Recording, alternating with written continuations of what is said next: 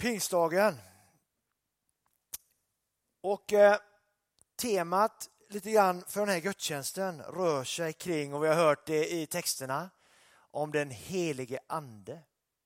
Vad anden vill göra, hur den verkar och hur Gud verkar genom den helige ande, genom oss. Och eh, lite grann för den här predikan, vi kan acceptera vad vi är, men det är inte vad vi vill vara.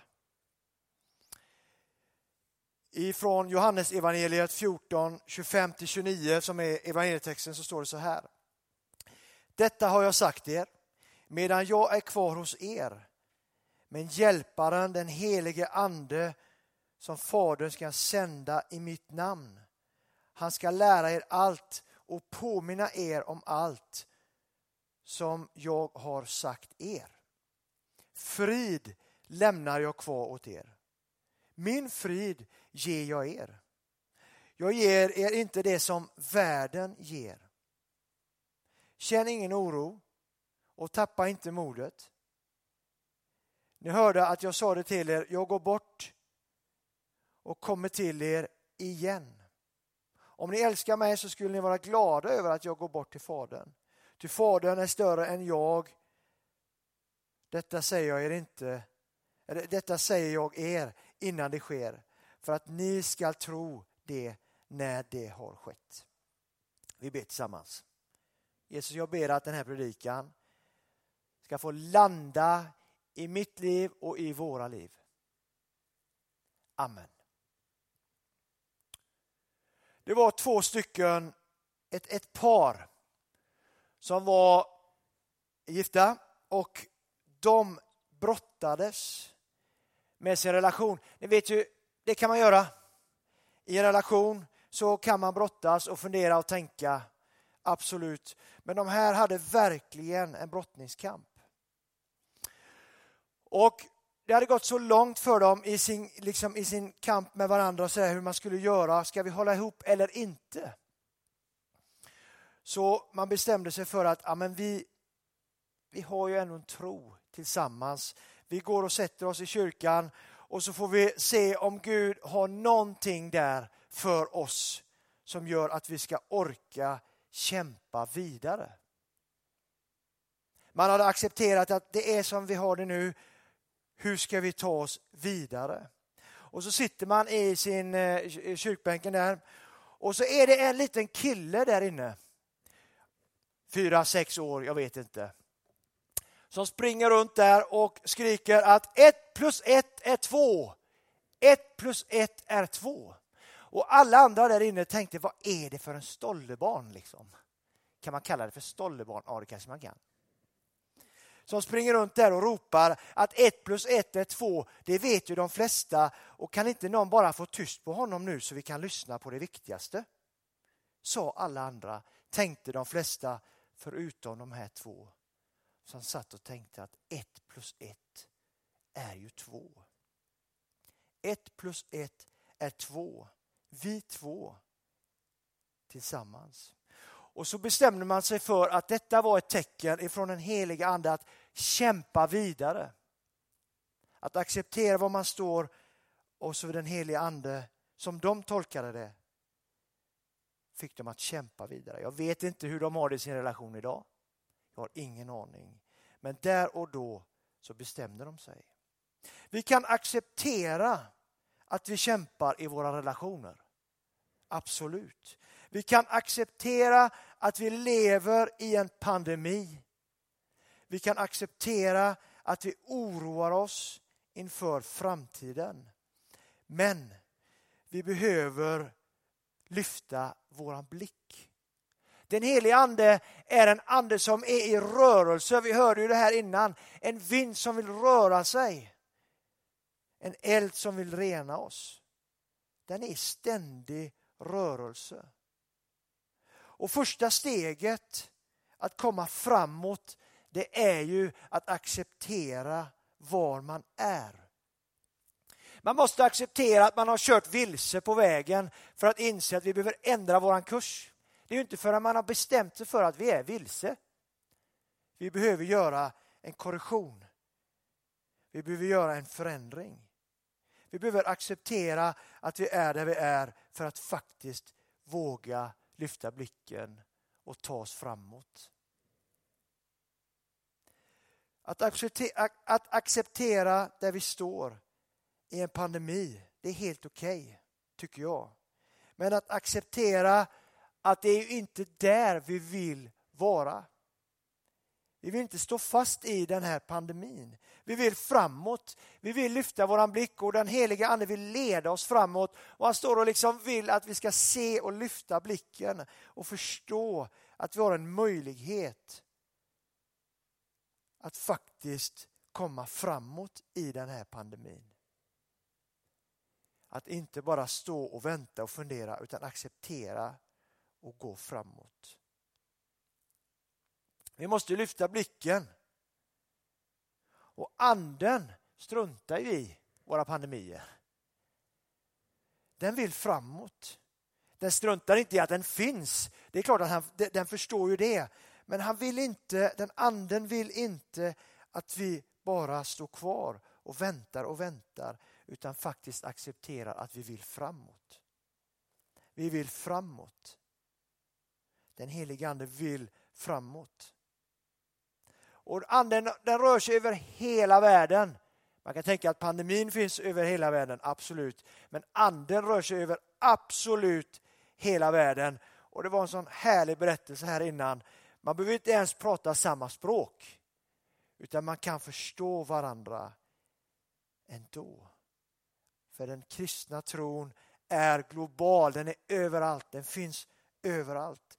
Och helige ande vill peka på överallt att här finns det människor som vill tro, som kämpar med tron men vill framåt. Världen ger oro, missförstånd, rädsla och ofrid. Det är vad världen har att erbjuda. Det är vad den erbjuder många av oss, som jag tänker i alla fall. Medan den helige ande vill erbjuda tron på framtiden, förståelse och förlåtelse, mod. I vers 27 i Johannes evangeliet. Känn ingen oro. Alltså fatta modet. Lyft blicken. Den helige ande vill leda dig framåt. Och frid. Anden ger dig och mig frid. Även det i vers 27. Frid lämnar jag kvar hos er. Inte oro, utan frid. Vi behöver inse det i vår församling. Att vi vill ju framåt. Vi vill någonting mer. Vi vill framåt ur den här pandemin, tror vi att det kommer komma någonting fantastiskt ur det här. Vi tror att den helige Ande vill röra sig i vår församling ännu mer, faktiskt. Vi måste tänka och bli mer positiva där. Du vet, jag har lite grann, och det är min personliga åsikt, givetvis. Du kan ju tänka som du vill. Men jag har tröttnat på de här orden att det är inte alltid är så lätt att vara kristen. Nej, men det är sannerligen förödande att inte vara kristen. Och så kan man tänka att kyrkan backar med medlemmar och vi kommer inte att få tillbaka dem efter pandemin. Jag tänker att vi behöver inse att människor behöver tro efter pandemin. Jag tror att människor vill komma hit. Jag tror att vi kommer få människor som vill hit och möta oss. Och vi får inte bli blinda på att vi vill ha massa folk. Att det är det som är poängen. Att bara vi liksom ha människor, kvantitet. Liksom. Utan vi vill ju komma på djupet. Den helige Ande vill komma in på livet. För han ser inte till hur många vi är. Utan han ser till varje hjärta som söker honom. Vi vill framåt och anden vill visa oss den vägen. Frid lämnar jag kvar hos er. Vi vill framåt. Jesus finns här för dig och för mig. Jag behöver Jesus i mitt liv. Anden vill leda ditt liv. Lyft blicken och se möjligheterna. Inte att bli naiv, inte att inte inse att livet är tufft. Det är klart det är tufft. Det är klart att det är jobbigt. Men om vi accepterar det så tror jag att framtiden kan bli ljusare. För den helige Ande vill visa på Jesus. Och Jesus för mig är framtiden. Och även nuet.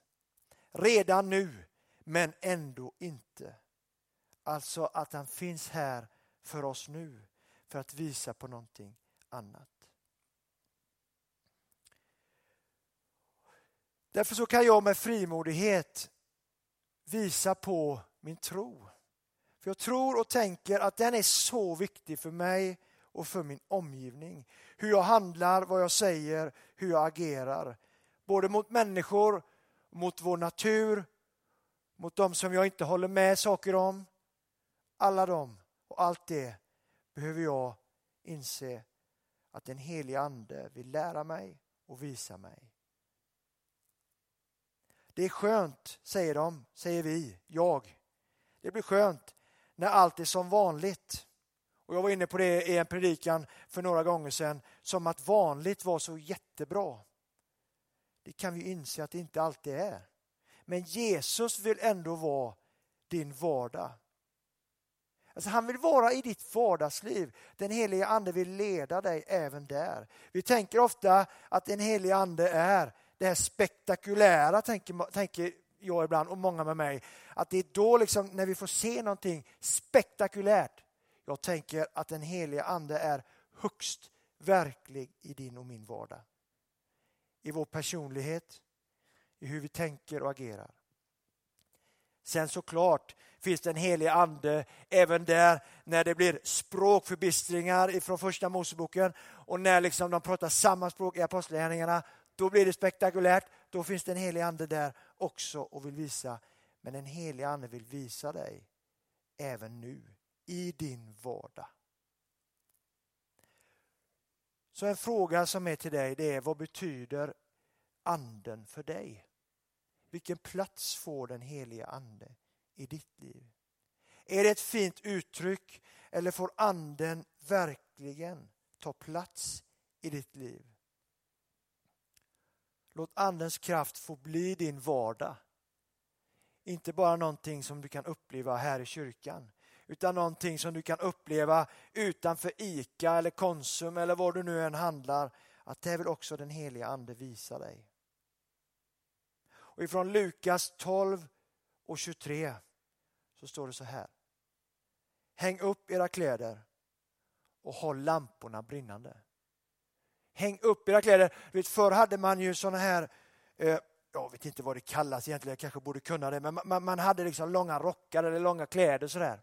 Och när man då skulle hjälpa till eller hugga till med någonting eller ja, hjälpa till lite fysiskt, då hade man ett skärp och för att man inte skulle smutsa ner längst ner så hängde man upp det här och knöt om och, och, så, och så hjälpte man till. Det kanske var något som hade hänt. Jag tänker att det är precis det här som bibelordet vill säga till mig och till dig. Häng upp era kläder. Alltså kavla upp dina armar. Kavla upp armarna, lyft blicken och inse att vi vill framåt i den här församlingen.